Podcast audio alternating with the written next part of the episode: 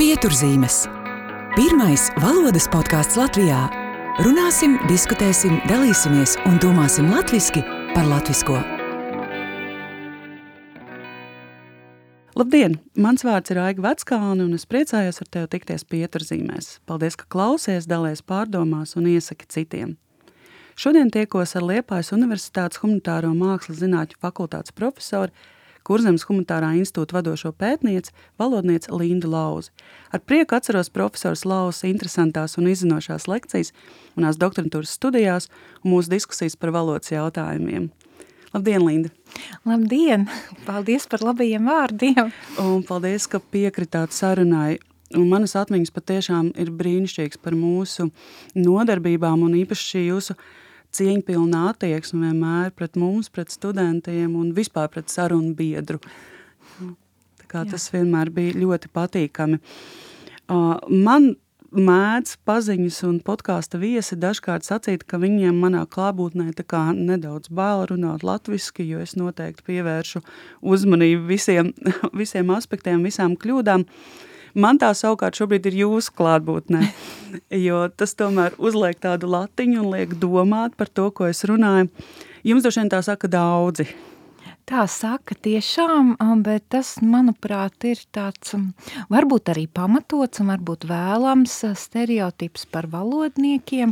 Tikko izdzird vārdu valodnieks, valodniece, tā ir priekšstats, kā šis cilvēks tūlīt meklēs kļūdas un par tām aizrādīs. Un tā man ir gadījies arī privātajā dzīvē, ka man kāds raksta īziņu un pēc tam atvainojas, ka nav ielikts komats vai nav bijusi garums zīme un tam līdzīgi, bet uh, valodnieki nodarbojas ne tikai ar kļūdām, bet ar daudz plašākām lietām, un tā skaitā mani interesē pati valoda, kā to lieto, un, un galu galā, ja arī šī kļūda ir pamanīta, es uz tām gan nekoncentrēju savu uzmanību un savu enerģiju visu laiku, tad arī padomāt par to, kāda tai ir nozīme, par ko tā liecina, vai par pašu cilvēku, viņa kultūras līmeni, viņa profesiju, viņa ikdienu, galu galā arī dzimumu, vai tas varētu noteikt kādas atšķirības, kas ir interesantas sociālingvistiem,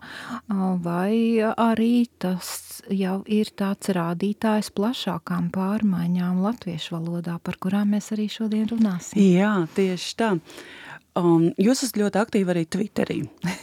Un sakiet, lūdzu, vai Twitteris arī ir savu veidu tāds valodas materiāls, kur, kur arī izvērtēt šajās trijās kategorijās, kā jūs teicāt? Ir gan. Nu jau pēdējās savās publikācijās esmu izmantojusi piemērus no Twittera. Tie, kas zina, kura ir mana pētniecības joma, tad droši vien ir pamanījuši, ka tā ir saruna valoda un plašākā nozīmē mutvārdu teksts. Bet Twitteris ir interesants ar to, ka tajā atspoguļojas uh, mutvārdu teksts rakstveida formā. Un kā es par to arī pārliecinājos nesen, uh, ka Twitterī arī parādās sarunvalodai raksturīgās pazīmes un arī tāda interesanta lieta, kā sarunvalodā tad, kad satiekas draugi, tīpaši sen neredzēti draugi, nevar zināt, ar ko viņu saruna beigsies. Par, nu, bieži vien nav tā pati tēma, kas sākumā nav sarunas beigās, notiek tādas pār, tādi pārliecieni no vienas tēmas uz otru un, un tam līdzīgi. Un Twitterī bija tāda diskusija, vai ir nepieciešams nepieciešams komats aiz um, ar cieņu vēstules beigās es iesaistījos un paskaidroju, ka tur komata nav un nav arī nepieciešams, un varat iedomāties, šī diskusija beidzās ar to, vai ir nepieciešams pļaut zāli. jā, tiešām tā, tā kā saruna, saruna kas noritēta mutvārdos. Jā, jā, tieši tā. Un jūs minējāt, jā, ka dažkārt tā ir individuāla kļūda, dažkārt tās varbūt ir kļūda vai pazīmes vai kļūdas, kas ir raksturīgas lielākajai grupai, un dažkārt tās ir pārmaiņas valodā. Kas šobrīd notiek ar latviešu valodu, jūsuprāt, kādas pārmaiņas ir vērojamas? Vai man negribētos šobrīd piebiedroties tiem, kas lielā mērā saka, ka ar latviešu valodu ir slikti, un, un veicināt um, šo pesimistisko noskaņu. Manuprāt, situācija ir mūsdienīga, un tā parāda arī to, ka šobrīd pie runāšanas un rakstīšanas tiek jebkurš. Bez tādas lielas kontroles, bez redaktora vai korektora palīdzības, un tad nu, mēs redzam, kā kurš prot izteikties un cik labā valodas kvalitātē, bet es negribētu šos individuālos gadījumus attiecināt pilnīgi uz visiem latviešu valodas lietotājiem. Un ir otra lieta, ko es arī pamanīju, rakstot par Twittera valodu, par internetu valodu, kas arī ir izpētīts citās valodās, arī angļu valodā, ka internetā cilvēki sazinās ļoti ātri. Un tāpēc komatu var neielikt vai pareizrakstību var neizlabot arī tie, kas to zina. Jo galvenais ir saziņas ātrums šajā diskusijā, un tāpēc arī pat izglītot cilvēki mēdz uzrakstīt kaut ko nevisai labā valodā, jo piekāpjas ātruma priekšā tā ir tāda tendence, kas šobrīd ir raksturīga. Jā, manuprāt, jā, un, un mhm. šis ātrums, protams, visās jomās nodara mm. postu, ne tikai valodā. Uh, valodā neizlasīs vēstuli pirms aizsūtīšanas, varbūt uh, sašūs tādu vīli, kura izjuks pēc mēneša. Tas, manuprāt, izpaužas daudzās jā. jomās, to mēs arī zinām kaut vai par labiem sadzīves priekšmetiem, kurus mēs vairs nevaram iegādāties ļoti ilgam laikam, kur nu vēl viss tam mūžam. Tā ir, jā, pie tā, pie tā jāpierod. Un um, kā ir ar angļu valodas ietekmi, par ko daudzi šobrīd satraucas? Angļu valodas ietekme noteikti ir, ir jūtama gan tādā virspusējā līmenī, kur mēs to ātri vien pamanām ar kādiem vārdiem. Mana izpētes joma un arī mācību priekšmets, ko es mācu studentiem Liepājas universitātē, ir sintakse. Līdz ar to ir arī tāda interesanta lieta, kas izpaužas sintaksē.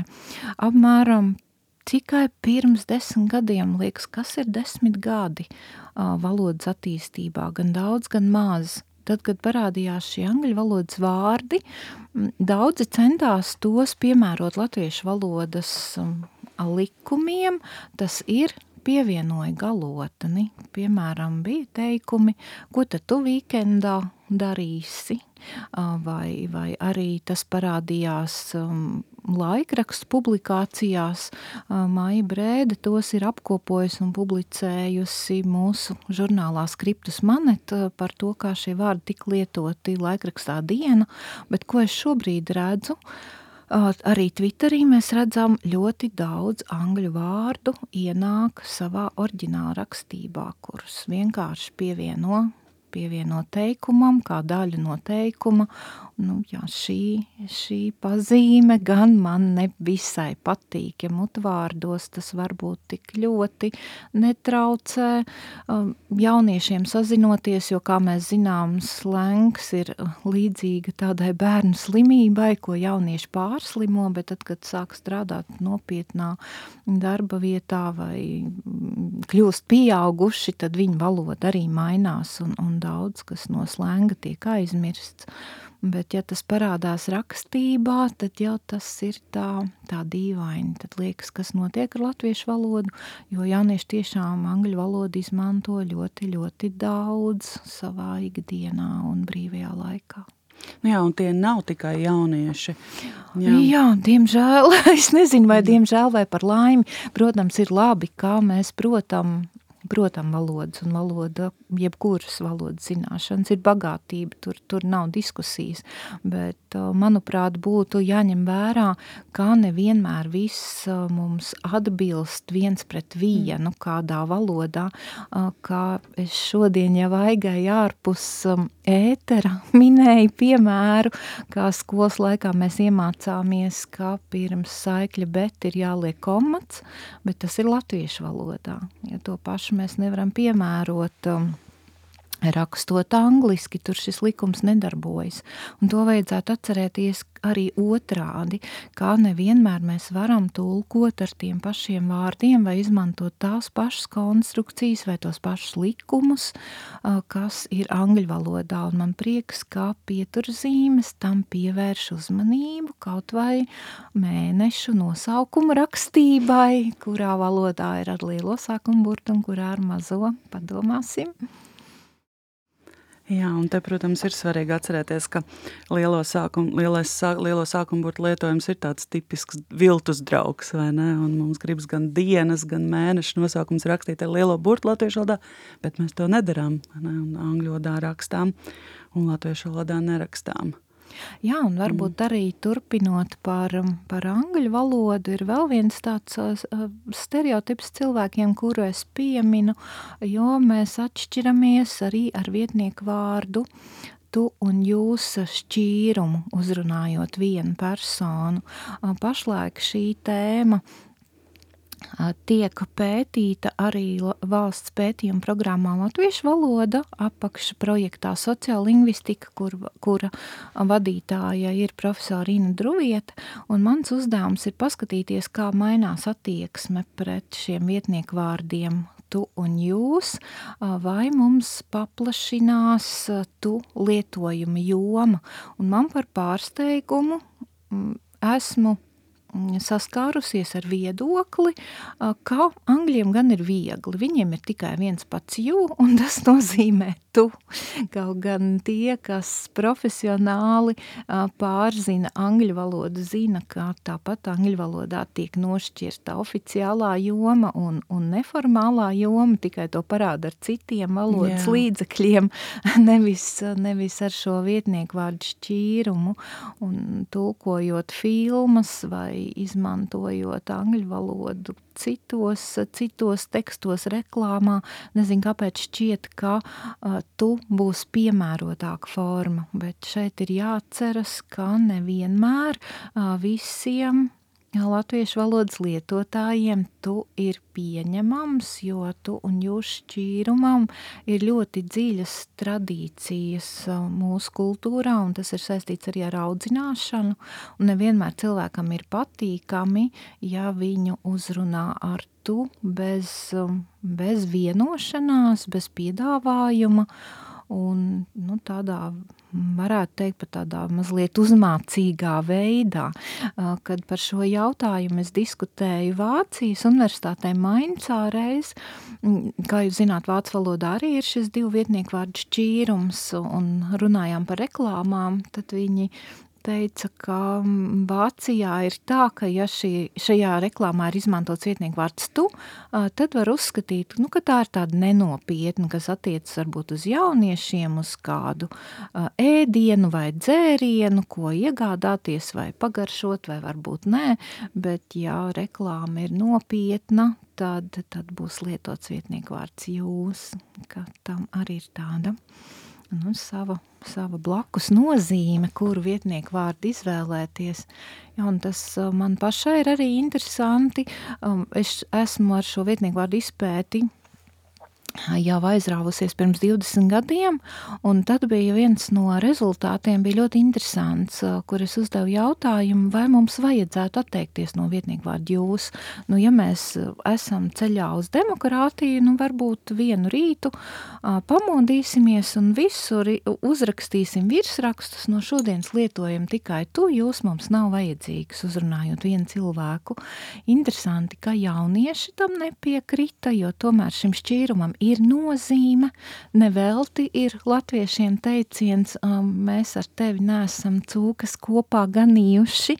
Ko tas nozīmē? Tas ir no seniem laikiem, ka ir kopīgi pavadīts ilgāks laiks bērnībā vai skolas solā vai, vai kādā pulciņā. Tu nav tāpat vien tas vieno cilvēkus un parāda, ka viņiem ir tuvākas attiecības nekā, nekā citiem, kur, kur varbūt ir lielāka distance. Un, jā, un es gribēju pārliecināties, vai šis tu ir vispār vajadzīgs. Pirms 20 gadiem tie, kas bija visvecākā paudze, 65 un vairāk gadu, 100% visu respondentu atbildēja, ka viņi nav gatavi atteikties no jūs. Diezgan liels procents, kuri vēlējās saglabāt Jūs bija arī citās vecuma grupās kopā nu, diezgan liels skaits, ap 85, 87%, ka vēlas šo jūs. Tas bija pirms 20 gadiem. Pašlaik, pirms gada, rezultāti rāda, to pašu rādītāju, nu 1-2% nav liela atšķirība, vienalga ir liels skaits, kurš saka jūs, jo es tā iedomājos, vai šī ir viena no īpašībām latviešu valodā, ko mēs gribētu nodot nākamajām paudzēm, vai, vai tas ir mums ļoti būtiski un svarīgi šis šķīrums. Bet jaunums ir tāds, ka vairs nevienā vecuma grupā nav šie 100% respondenti, kur saka nē, visās jau ir šaubas, jau ir sajūta, ka man tas īpaši netraucē vai neaizvaino. Nu, redzēsim, kā būs tālāk. Ja, tas, manuprāt, arī ir tāds rādītājs, ka mēs vairs nejūtamies droši, ka kāda latviešu valodas pazīme mums ir ļoti svarīga un nozīmīga. Jā, un arī interesanti, um, es biju lasījusi kādā pētījumā tieši par tīmekļa vietņu tekstiem, un tur arī bija līdzīgi. Um, Statistika liecina, ka arvien biežāk tīmekļa vietnes izvēlas par uzrunu tu, uzrunājot mm -hmm. savu potenciālo klientu, savukārt aptaujājot klientus, joprojām lielākai daļai tomēr patīk, ka viņus uzrunā ar jūs. Ja. Es domāju, šis jautājums arī kļuva īpaši aktuāls uh, saistībā ar augošo so sociālo tīklu popularitāti, mhm. kur, um, kur, protams, katram uzņēmumam vai katrai organizācijai, veidojot savu profilu, ir jāpieņem lēmums, vai uzrunās auditorija ar tu vai jūs. Un tā lielā mērā tā ir tāda izvēle, kas pēc tam nosaka visos tekstos izmantotās mm. uzrun, uzrunas veids. Un es zinu, ka par labu tu uh, argumenti vienmēr ir tādi, ka tas ir tā brīvāk, tuvāk, draudzīgāk. Mm, ka tā, tā sajūta, kas rodas izmantojot formu jūs, ir tāda, ka tas tā rada savu veidu barjeru starp potenciālo klientu un, un organizāciju. Jā, noteikti tā ir. Es tam varu pievienoties, bet tajā brīdī man tikai gribas padomāt, vai šajās lietišķajās attiecībās, kas ir starp klientu un kādu organizāciju, man arī 90. gadu vidū bankas darbiniece pajautāja, nu vai tad tu izdomāji kredītu ņemt? es tā uz viņu skatos. jo tas nenozīmē, kā mēs šajā brīdī kļūstam par draudzenēm un banka man aizdod naudu ar tādiem drauga noteikumiem.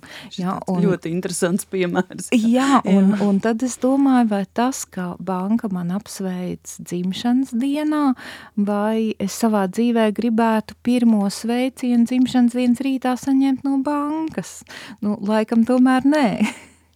Un, jā, vai, vai šis tu ir īsts, jo līdzīgi ir ar jautājumu, kā tev iet, ja mēs salīdzinām ar, ang salīdzinām jā. ar angļu valodu.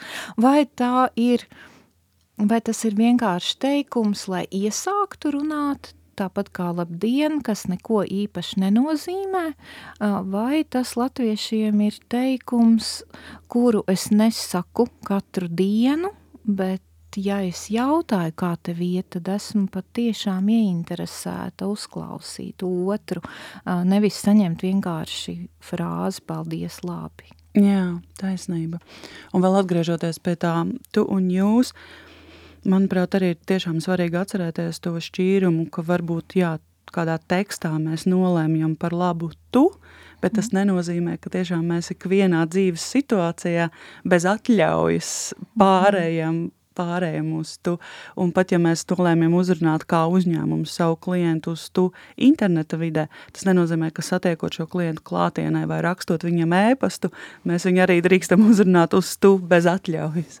To Tieši tā, un to vajadzētu arī ievērot Jā. tādās oficiālās situācijās, kurās uh, mēs varam pat pāriet no tu uz jūs, ja tas ir nepieciešams, piemēram, valsts prezidenta kancelēs rīkotā pasākumā, ja tiek atvērta grāmata un tur visiem tiem, kur ir piedalījušies grāmatas tapšanā, saka, saka jūs, tad kaut arī divi cilvēki Jā. ir tū pazīstami, viņiem vienalga būtu jālieto jūs tajā brīdī. Jā, līdzīgi kā arī žurnālistu mhm. veidotās intervijās un, un vai diskusijās, neatkarīgi no tā, mhm. vai ikdienā žurnālisti šo cilvēku uzrunā uz tu, tad lielākoties raidījumā cilvēks tiek uzrunāts uz jūs. Jā, jā es tam pilnīgi mm. piekrītu. Izņēmumu gadījums varētu būt, ja intervijas sākumā to pasaka jā. pārējiem, ka mēs esam tik seni draugi, ka mums būtu jocīgi sarunāties ar šo vidnieku vārdu jūs, tāpēc to pasaka un, un informē īpaši, ja tas ir brīvāka stila raidījums. Jā, nu, par šo izvēles. Jā, jāceras jā. tiešām arī to, to varu ieteikt. Un internets ir, manuprāt, arī tāda mazliet maldīga vide, ko es redzu arī Twitterī, ka rodas tāda viltus sajūta, kā šie cilvēki, ar kuriem es sarunājos, es katru dienu lasu viņa domas, kā viņi ir tik tuvi kā ģimenes locekļi. Par to es domāju arī lasot, um, kādas tēmas tiek apspriestas, kā tās tēmas, kuras kādreiz apsprieda tikai ģimenes lokā, kas bija tādas privātas un pat intīmas tēmas, tagad tiek apspriestas publiski, ka vai nu cilvēki jūtas vientuļāki, vai nav ar ko šīs tēmas pārunāt, un, un tāda īpatnēji sajūta ir, ka no vienas puses rakstītājs ir svešinieks, un no otras puses viņš uztic tādas pavisam privātas lietas Twitterim. Tās jā. man tādas interesantas pārdomas, jo tajā brīdī liekas, jā, mēs te visi esam tādi tuvi un draudzīgi un par to runājam, bet nepadomājot, kā ierakstot Twitterī, tvīts nekur nepazūd, arī Google meklētājā to var, var atrast, un tā tomēr ir publiska, nevis privāta ziņa. Tā ir patiesībā jebkas, kas internetā ir ierakstīts, nekur nepazūd. Un pat ja mēs to izdzēšam, tad iespējams kāds cits jau ir veicis ekrānu uzņēmumu un tik un tā tas, tas, tas ir zināms. Un līdzīgi kā ir bijuši visi šie Twitter skandāli, kas ir saistīti tieši ar valodas mm. lietojumu. Kāds to ir paspējis nofotografēt un, un tas pēc tam ir pieejams publiski tik un tā. Ja mēs runājam par sintaksi vēl vairāk, tad zinu, ka, ka jūs arī satrauc, vai drīzāk teik, izmantošu vārdu interesē, šis jautājums, kas notiek ar mūsu latviešu valodu, kas ir morfoloģiski bagāta valoda, ja mēs kādu atzīmējam, ja tautas valodā runājot, ietagojam tvītā vai Facebook ierakstā, ka tur ir pieejamas tikai šīs nominatīva formas, bet teikumā jau, protams, mēs to varam pateikt gan kā kam, gan ko un tā tālāk. Kas, kādi ir jūsu vērojumi šajā jomā? Jā, šajā ziņā var vilkt paralēles ar, ar to, ka tāds pats process ir tad, ja latviešu valodas teikumā ieliek arī angļu valodas vārdu. Jā. Jo jāuzsver ir atšķirība no latviešu, val, angļu valodas un latviešu valodas sintakses atšķirība būtu jāuzsver. Angļu valodā ir ļoti stingra vārdu kārtība, diezgan stingra. Mēs zinām, ka darītājs ir teikums sākumā un tad ir darbība, un pēc darbības ir, ir objekts. Bet latviešu valodā mēs parādām darītāju un objektu, izmantojot lietvārdu locījumus, un tāpēc varam arī vārdus lietot brīvāk. Protams, ir arī latviešu valodā vārdu secības likumi, bet tie nav tik nav tik stingri. Mēs varam nolikt arī darītāju teikuma beigās un sākt um, sākt teikumu ar, um, ar objektu. Uh, par to parasti ir pārsteigti mm, ārzemju studenti, kam es mācu latviešu valodu, uh, ja es saku, ka tēju es gribētu, ja, piemēram, kā var teikums sākties ar tēju, tad ir darītājs es un gribētu Jā. pēc tam vai vēl kādas citas variācijas. Bet... Tas angļu valodā nebūtu iespējams. Jā, jā angļu valodā tiešām tāds teikums nebūtu iespējams, bet tāpēc mēs arī brīvāk varam uh, lietot vārdus uh, tādā secībā, kāda runātājiem ir nepieciešama, jo mums daudz ko izsaka vārdu galotnes. Uh, bieži vien mēs par to pat neaizdomājamies, ka tas tā ir, jo rīkojamies neapzināti. Un to var redzēt arī Viszemākajā latviešu valodas līmenī, slēnga līmenī, šeit es gribētu saskatīt arī slēnga pozitīvo pusi, jo mēdz teikt, mācot valodas kultūru, slēngā nerunāsim, un tas ir kaut kas, kaut kas ārkārtīgi slikts, kas latviešu valodā nav vajadzīgs, tomēr nu, nevajadzētu mums izlikties, ka slēnga nav. Latviešu valodas stundās vai valodas kultūras nodarbībās par to runāt, ka slēnga nav un tā to lietot nevajag, bet aizveram durvis, un slēngs uz ielas mums ir. Bet atgriežoties pie sintakses, mēs noteikti zinām, tagad tā nebūs reklāma, ir tāds uh, veikals, kuram ir nelokāms nosaukums rimi, uh, kuru ir diezgan neērti latviešu valodā ielikt, un ko esmu ievērojusi, ir liela uh, liela radoša izdoma. Ir ne tikai rimī, bet ir arī mītis, rimčiks un pat rimīs. Esmu dzirdējis, nu to es rimijā nopirku. Un šeit tā pozitīvā lieta ir tā, ka cilvēks neapzināti ir pielicis latviešu valodas izskaņu tā, lai šo vārdu varētu ielikt latviešu valodas teikumā. Līdzīgi kā ar krievu valodas um, Um, barbarismiem.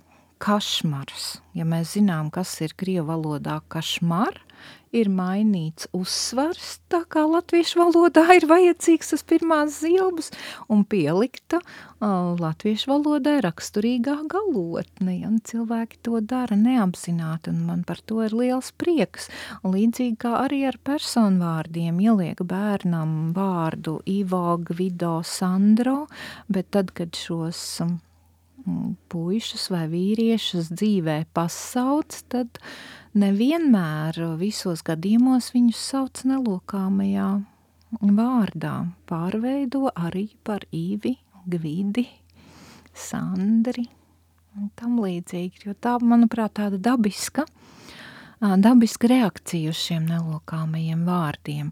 Atgriežoties pie jautājuma par ietagošanu, ja tas būtu tikai interneta vidē, protams, kā no viena gadījuma mēs teikumā varam saprast, ka tur ir domāts vai nu datīvs vai kāds cits locījums, taču, diemžēl, tas sāk izplatīties arī tālāk par internetu un sāk jau nelocīt lokāmus vārdus, piemēram, nosaukumus. Ja ir saldējums pols, mēs drīkstam lietu, locīt šo nosaukumu pols, bet, diemžēl, teikumā sāk vai reklāmā sāk atstāt to kā nelokāmu.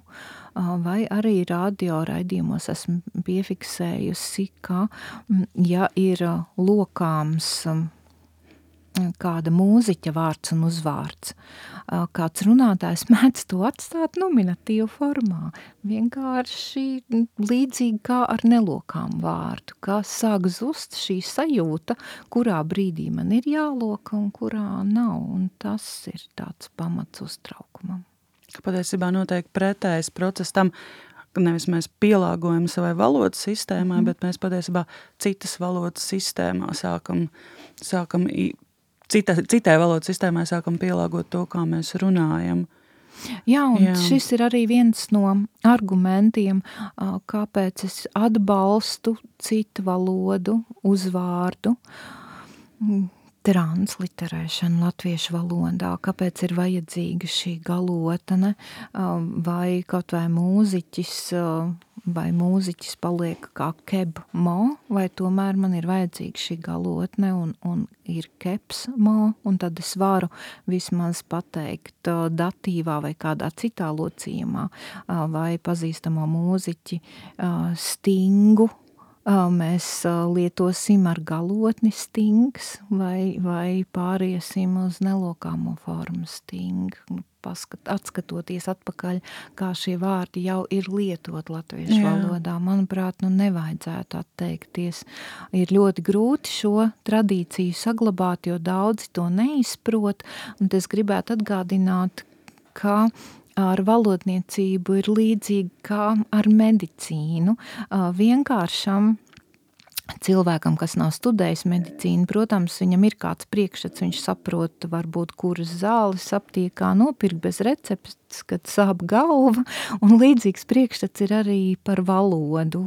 Skolā ir, ir, ir mācīta dzimtā valoda, un, un priekšstats ir, bet nevienmēr var izprast tos dziļākos procesus, kas ir valodā, un saskatīt to pamatojumu, un ja pirmajā plānā tiek izvirzīta tāda subjektīva nepatika, ka man nepatīkās, izkropļo kādu, kādu uzvārdu, vai, bet tā nav izkropļota izkropļošana, tā ir šī uzvārda piemērošana latviešu valodas sistēmai, lai to varētu vieglāk um, izmantot, jo uzvārds nav cilvēka privāti īpašums, to lieto sabiedrība, to nevar tā noslēpt, ielikt somā un viss, diemžēl, diemžēl uzvārds un vārds uh, ir, ir valodas daļa, ko izmanto pārējie sabiedrības locekļi.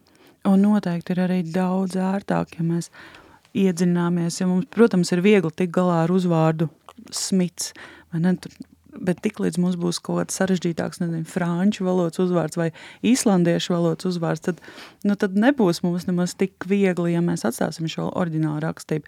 Patiesībā viss ir izdarīts tā, lai valodas lietotājiem būtu, būtu viegli šo vārdu izrunāt. Un, un ja mums nebūtu šādas, ja mums būtu sistēma, ka jāraksta oriģināla rakstība, tad mums vajadzētu droši vien vesels krājumu, norādījumu krājums par to, kā izrunāt šos uzvārdus. Tieši, tieši tā, un arī to pašu angļu valodu ne visi cilvēki prot Latvijā. 90.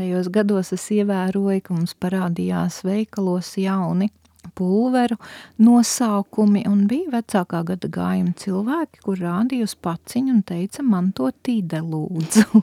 ja, tā kā, kā raksta, tā, tā Jā, runā. Mēs tā. nevaram pieņemt, kā cilvēki proti pilnīgi visas pasaules valodas, lai prastu izrunāt uh, visas uzvārdus, kas Jā. mums ienāk no citām valodām. Pieturzīmes piedāvā arī vērtīgas valodas lekcijas un konsultācijas, kas pilnveidos tava darba efektivitāti un uzņēmuma tēlu Un tiešām tas skaistais latviešu valodā ir tas, ka mums ir tik daudz šo formu, ka mums ir šie locījumi, ka mums mm. vārdi mainās, mainās vārdu galotnes un izskaņas, un ar to mūsu valoda ir īpaša, un tādēļ arī šie vārdi tiek pielāgoti valodai, mm. nevis otrādi, ka valoda pielāgojam vārdiem. Un arī vēl par šo atzīmēšanu, jeb tagošanu runājot, uh, man liekas, viss visdīvaināk izskatās tad, kad mēs cenšamies kādu ietagot, bet mums tas neizdodas sistēmā ar kaut kādu kļūdu, un tad, piemēram, teikumā, kur ir nepieciešams datīvs vai kāds cits locījums, tad parādās, ka cilvēks ir ierakstījis vienkārši nominatīvā, bet bez šīs atzīmes, bez šīs Jā. saites, un tā es redzēju, jo atkal mēs gribam ātri, visu izdarīt ātri, un šādi ieraksti ļoti daudz patiesībā. Tos es arī vienmēr pamanu. tad tā man ir ļoti žēl tajā Jā. brīdī par latviešu valodu, jo tad ļoti dīvaini tas izskatās. Tad, kad ir ietagots ar šo citu krāsu, tad tas ir pieņemam, ir saprotams mērķis. Nu, varētu aicināt izlabot locījumu. Atlicināt dažas Jā. sekundes un Jā, pierakstīt galotnes. Jo arī tas apgrūtina uztveri. Ja, un tepat, ja mēs nerunājam par tādu makrosistēmu, jā, ka tas neiekļaujas valodā, bet arī tādā mikro līmenī tas apgrūtina lasītājiem uztveri. Ja man ir jāizdomā, mm -hmm. kurā locījumā tas ir domāts, es aizķeros aiz tā vārda, ja es tērēju laiku. Bet arī par to tagošanu, tas arī patiesībā būtu labs izpētes jautājums un parunāties ar tehnoloģiju izstrādātājiem, kāds ir, kā, kāds ir iecers, kāds ir plāns vai nākotnē šīm morfoloģiski bagātajām valodām varbūt būs iespēja arī šos atzīmējumus pielāgot ar, ar citām galotnēm. Es domāju, Jā. ka tā varētu būt. Tā, tas būtu ļoti vērtīgs, jā. vērtīgs ieteikums, jo noteikti, ja mums kādi tehnoloģiskie risinājumi ir, ir sasniegti, un par to ir ļoti liels gandarījums. Pat esmu saistīta arī ar mājas lapu Karakuda, kuru, kuru veidojot tehniski tika izmantots angļu valodā izstrādāts paraugs, angļu valodā tapus platforma, un sākotnēji visi virsraksti tika rakstīti ar lieliem sākuma burtiem, tā kā tas bija angļu valodas platformā iestrādāts, bet tad mūsu uh, mūsu datorspeciālistam izdevās pēc ļoti rūpīga un ilga darba to izlabot, tad ir milzīgs, milzīgs gandarījums, ka tagad virsraksti ir atbilstoši latviešu valodas garam, nevis tā, kā tie ir jāraksta angļu valodā.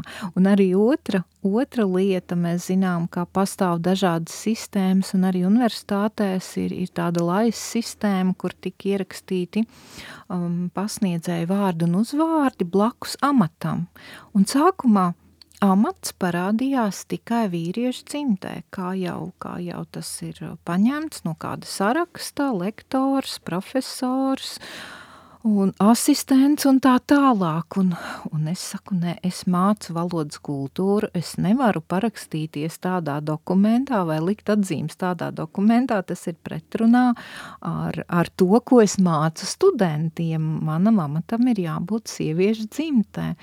Un izrādījās, ka tas arī bija liels pārbaudījums šiem datorspeciālistiem, jo nevienmēr pēc galotnes var noteikt, vai pasniedzējs ir vīrietis vai sieviete. Tas arī bija interesanti, jo ir, ir šie kopdzimts uzvārdi, Jā. un tad otrs, kā mums var būt arī kāds viespasniedzējs, piemēram, Kalle, kuram ir vārds ar E, bet kurš ir vīrietis. Tas arī bija interesanti, bet tagad man ir liels gandarījums, ka tagad ir pareizi.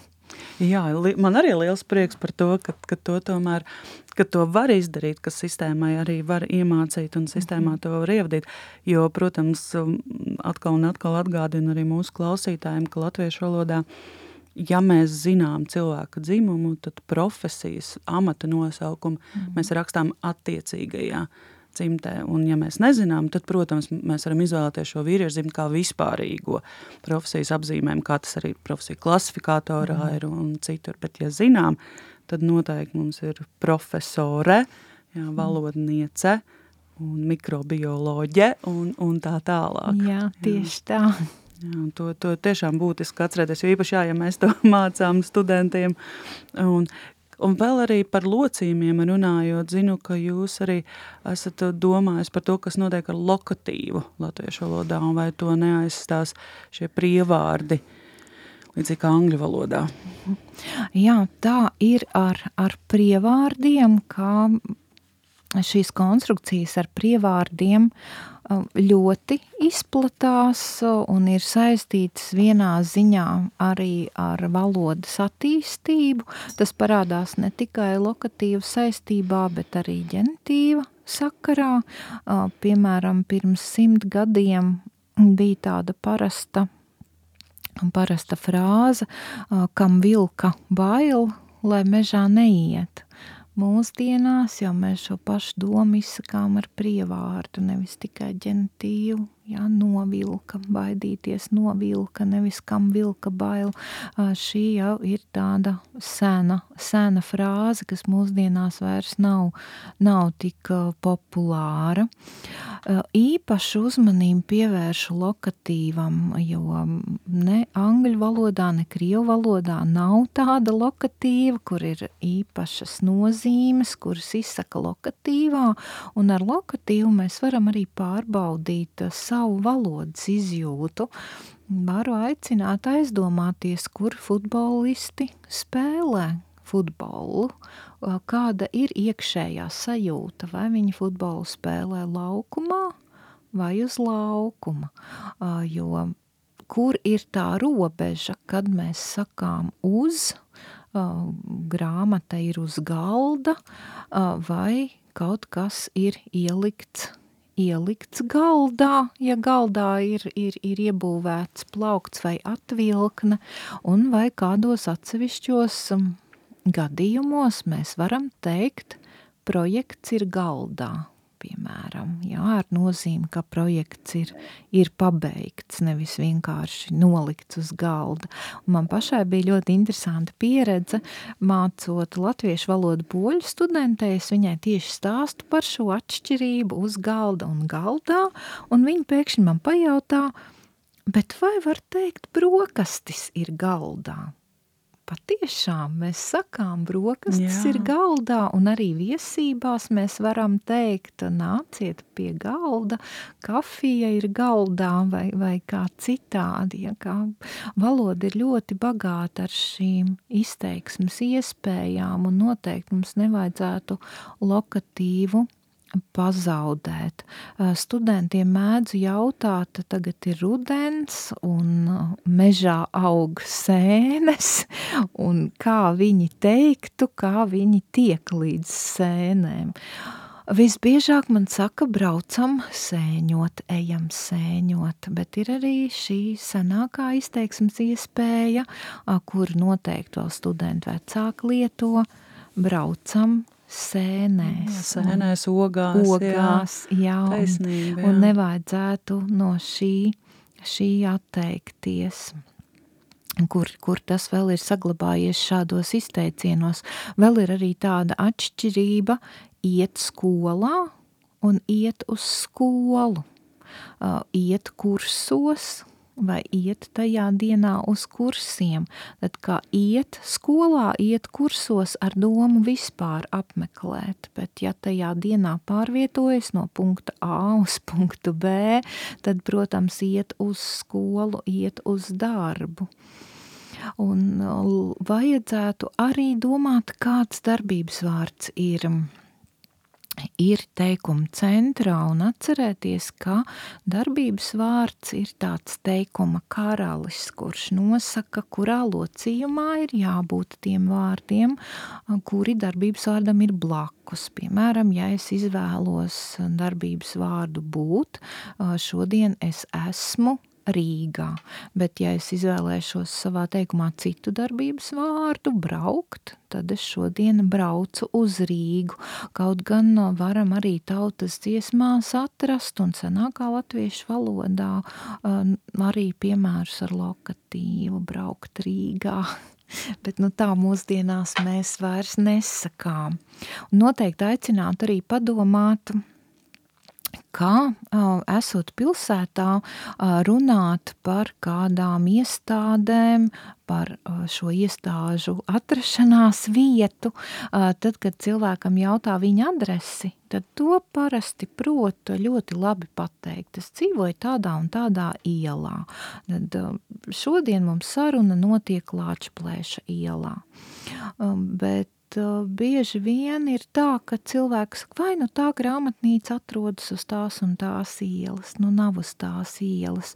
Uh, ir pieļaujams uz, tad, ja ir ja ir uz stūra, uz kādā krustojumā, uz divu ielu stūra, vai arī uz ielas ir kaut kas tāds, kas ir viegli pārvietojams. Atstāja mašīnu uz ielas, jā. jā vai atrada naudu uz ielas. Jā, tieši tā, bet ēkas, iestādes, mm. kafejnīcas atrodas atrodas kādā noteiktā ielā, to nevajadzētu pazaudēt. Citu valodu ietekmē, kur tādas iespējas nav, kur to izsaka ar prievārtu, gan, Jā. gan angļu valodā. Un šis tāds mans aicinājums lokatīva saistībā padomāt, kur tas ir vajadzīgs, nepārspīlēt ar uz.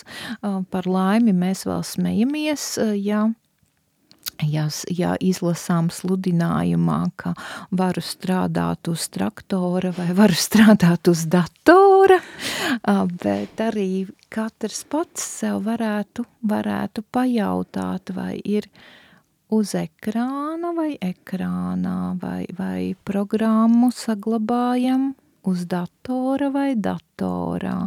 Iespējams, ka šī robeža ir ļoti smalka un ka tiešām ir gadījumi, kur varētu lietot abas, abus veidus, gan, gan ar prievārdu, gan ar lokatīvu, bet aizdomāties, lai mums pavisam nepazūd šis, šis lokatīvs.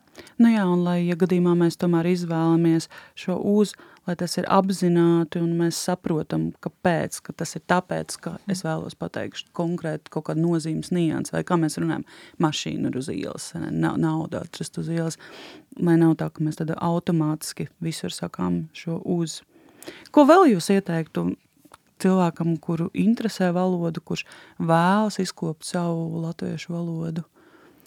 Noteikti nebaidīties ieskatīties vārnīcā, paskatīties, kāda ir vārdam nozīme. Esmu saskārusies ar tādu priekšstatu, kā vārds ir lietojams tā pamatnozīmē. Protams, tā ir, bet daudziem vārdiem ir arī atvasinātās nozīmes un pārnestās nozīmes, un ar vienu vārdu mēs varam daudz ko pateikt. Tāpat um, piemērs ar vārdu iet, protams, kā tā pamatnozīme ir saistīta ar pārvietošanos kājām, bet ja mēs atšķiram vārnīcu vai ieskatāmies elektroniskajā vārnīcā tēzaurs.lv, tad varam redzēt, ka vārdam ir daudz nozīmju. Arī vilciens iet no Liepājas uz Rīgu un, un pulkstenis iet, laiks iet, varam, varam paskatīties, cik daudz, cik daudz dažādu nozīmi ir vienam vārdam. Un nebaidīties izmantot arī šīs atvasinātās un pārnestās nozīmes, jo reizēm es saskaros ar situāciju, kad cilvēks nobaidās, īpaši arī no frazeoloģismu lietošanas, kad viņam liekas, ka šie vārdi ir burtiski jāsaprot. Nu, piemēram, pati nesen lietoja frazeoloģismu sirds asiņo. Nu, nav tas jāsaprot burtiski. Un nevajadzētu pazaudēt šo, šo latviešu valodas izteiksmes bagātību. Mums ir ļoti bagāta valoda, un faktiski Twitteris izmantoja tieši arī valodas valodas dēļ un profesionālās intereses dēļ, un redzu, ka ir vesels pulciņš cilvēku, kuri uh, vienkārši interesējas par valodu vai pat sameklē kādus senus vārdus un ko tie nozīmē un iesaka citiem lietot. Nu, nav viss tik slikti, kā varbūt pirmajā mirklī liekas. Droši vien ir kāds līdzsvars jāmeklē un ir, ir svarīgi, lai latviešu valoda pastāvētu, attīstītos un un būtu tikpat bagāta, un lai šai bagātībai tikt līdzi arī katrs individuāls tās lietotājs. Jā, vēlētos tikt līdzi un interesētos par mm. valodu un domātu, jo mm, dažiem dažkārt šķiet, jā, kā jūs minējat, mēs visi mācāmies skolā dzimto valodu un, Un liekas, nu, es taču māku runāt, vai ne? Kas, kas mm. tad tur? Bet valodu, lietojot valodu, ir jādomā tāpat kā darot jebko citu. Šī iedziļināšanās ir svarīga. Tieši tā, lai radītu kvalitatīvu tekstu, tas pats no sevis tā nerodas. Tur ir vajadzīga zināma, zināma garīga piepūle, zināšanas, un, un arī nav jākautrējas pārbaudīt sevi, vai viss ir tā, kā, kā es esmu domājis uzrakstīt vai, vai pateikt, un, un arī meklēt palīdzību. No tā nevajadzētu kautrēties. Jā, paldies par šiem, par šīm interesantajām atziņām un ieteikumiem un par to, ko, jū, ko jūs darāt. Un nedaudz ārpus valodas, pat arī tas lielā mērā ir saistīts ar valodu. Es zinu, ka jūs esat iesaistīti arī kāda radio tapšanā, kā vadāt arī pati radio raidījumu. Jā, tā ir, tā ir taisnība, tam ir tāda mazliet garāka, garāka vēstu, vēsture un uh, izmantošu izdevību un arī pateikšu, kaut arī Sākās šī sadarbība vispirms ar reģionālo radiostaciju Saldus radio, ar kuru es ļoti lepojos, ka vienkārši reģionāls uh, radio uh, interesējas par latviešu valodu un, un mani aicināja vairākas reizes gadā analizēt viņu, viņu valodas lietojumu un norādīt uz valodas kultūras neprecizitātēm. Tas man šķita nu, ļoti labs rādītājs, viņiem, kas varbūt pat dažā labā Rīgas radiostacijā jau vairs nu, nešķiet um, uzmanības vērts. Nu, diemžēl mm, šis radio tika tika likvidēts, um, bet tā vadītājs Mārtiņš Bergmanis, mans bijušais students, nepadevās un izveidoja tādu savu radio, tādu draugu radio, es gribētu teikt, kas skan internetā un, un piedāvāja arī katram iesaistīties, kas to vēlas. Un es esmu sev atklājusi brīnišķīgu hobiju, veidot raidījumu par mūziķiem saistībā ar viņu jubilejām, jo atklāju, ka tad, kad šie Daudzi no viņiem bija, bija populāri, es, protams, pauzu galam dzirdēju un, un, un atpazinu viņu dziesmas, bet neko daudz vairāk, jo tajā laikā es studēju, rakstīju savu promocijas darbu, un man nebija laika dziļāk interesēties uh, par, par mūziku, par mūziķiem, un tagad man tā ir tāda laba aizraušanās, redzesloka paplašināšana, nu, jā, vienā ziņā arī tāds um, savs ritms, kā ceturtdienas rītā ir jābūt raidījumam gatavam un ir, ir šī izvēle, kuras dziesmas atskaņot un kā, ko par katru mūziķu pateikt, bet man patīk, tas man ir tāds labs brīvā laika pavadīšanas veids. Jā, ko vēl jums pateikt darīt brīvā laikā? Twitterī lasīju, ka jums patīk jūra. jūra man ļoti patīk, un ja ir tādi liepainieki, es nesaprotu, kā tas var būt, kā pie jūras var neiet gadiem, man šķiet, kā tā ir um, liepainieku bagātība, kā līdz jūrai es varu aiziet kājām dažās minūtēs, nu kaut vai 10-15 minūtēs no vietas, kur es dzīvoju, vai ka viena iela ved gar gar jūru, un, un tas tā ir brīnišķīga vieta, kur pastaigāties un atgūt tādu spēku un harmoniju nedēļas nogalē. Un, jā, man tiešām patīk iet pie jūras visos gada laikos. Jā, un Liepājā tā patiesi ir skaista visos gada laikos. Un, um, zinu, un par to mums noteikti arī jāparunā, ka tuvojas ikrudens svarīgs notikums valodniecībā, un proti tā ir valodniecības konference vārds. Jā. Jā. Kādā, kādā formātā tā šogad notiks, ņemot vērā esošo situāciju?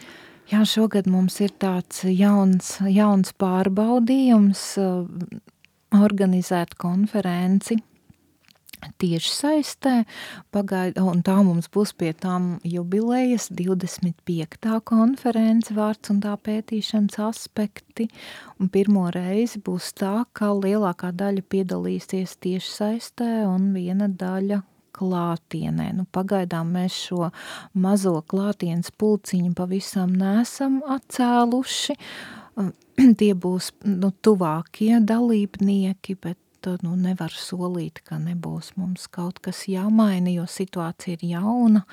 Un, un šāds konferences norises veids arī ir pilnīgi jauns, bet mums būs izdevies saglabāt to, ka var, notiks divas paralēlas sekcijas, nu ne trīs vai četras kā klātienes gadījumā, bet divas būs, un konferences dalībnieki arī virtuāli drīkstēs staigāt no vienas sekcijas uz otru, tas ir sarunāts ar mūsu datorspeciālistiem.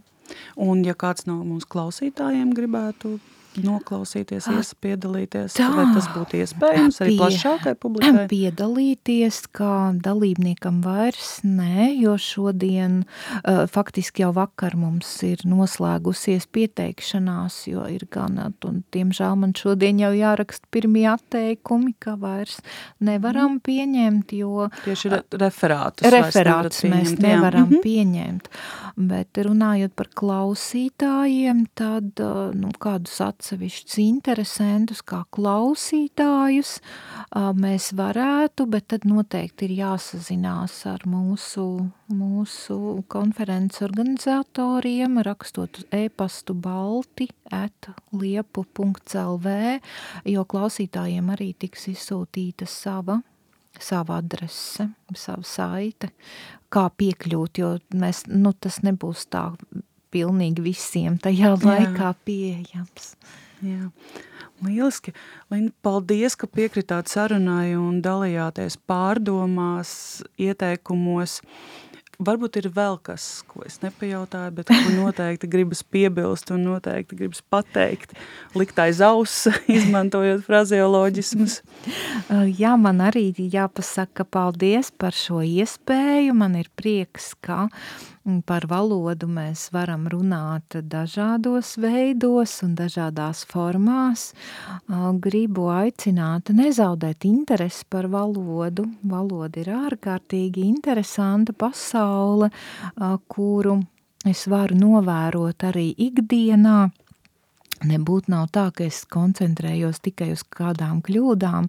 Mans lielākais brīnums ir redzēt, kā divi cilvēki skaidrā latviešu valodā sarunājas, pat nelietojot ne žargonu vārdus, ne kādus izloksnes vārdus, ne angļu valodas vārdus, kurus es varētu nezināt. Viņi lieto parastus latviešu valodas vārdus, bet es nesaprotu, par ko viņi runā. Tas ir interesanti, bet viņiem abiem ir pilnīgi skaidrs, jo, jo dialogs ir, ir tik koncentrēts, viņi runā par sev pazīstamām tēmām, viņiem ir skaidrs, bet no malas to nevar saprast. Nu, piemēram, tad tev vairāk nevajag, nē, paldies, es nolikšu atpakaļ ko nevajag, ko, ko nolikšu atpakaļ.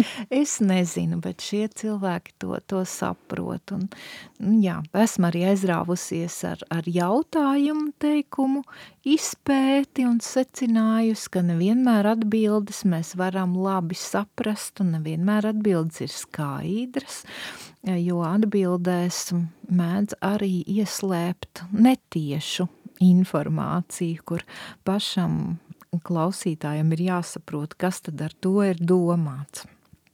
Un arī tādi piemēri ir, ir ļoti interesanti. Tas jau vairāk ir valodas pragmatiskais aspekts, un par to jau būtu pavisam vēl cita saruna. Jā, bet... to, to mēs varam noteikti izveidot atsevišķu sarunu un, un turpināt. Paldies! Radījuma piezīmēs atradīs īsu pārskatu par šodienas sarunu, kā arī noderīgu informāciju un saites – Paldies, ka klausījies un uz tikšanos nākamajās pieturzīmēs.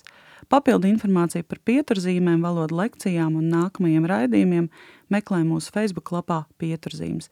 Priecāsimies, ja tu dalīsies ar šo raidījumu, novērtēs mūsu Apple podkāstu platformā un atbalstīs, kļūstot par patronu. Uz tikšanos nākamajos raidījumos. Pieturzīmes cilvēkos, grāmatās un valodā. Kādas ir tavas Latvijas pieturzīmes?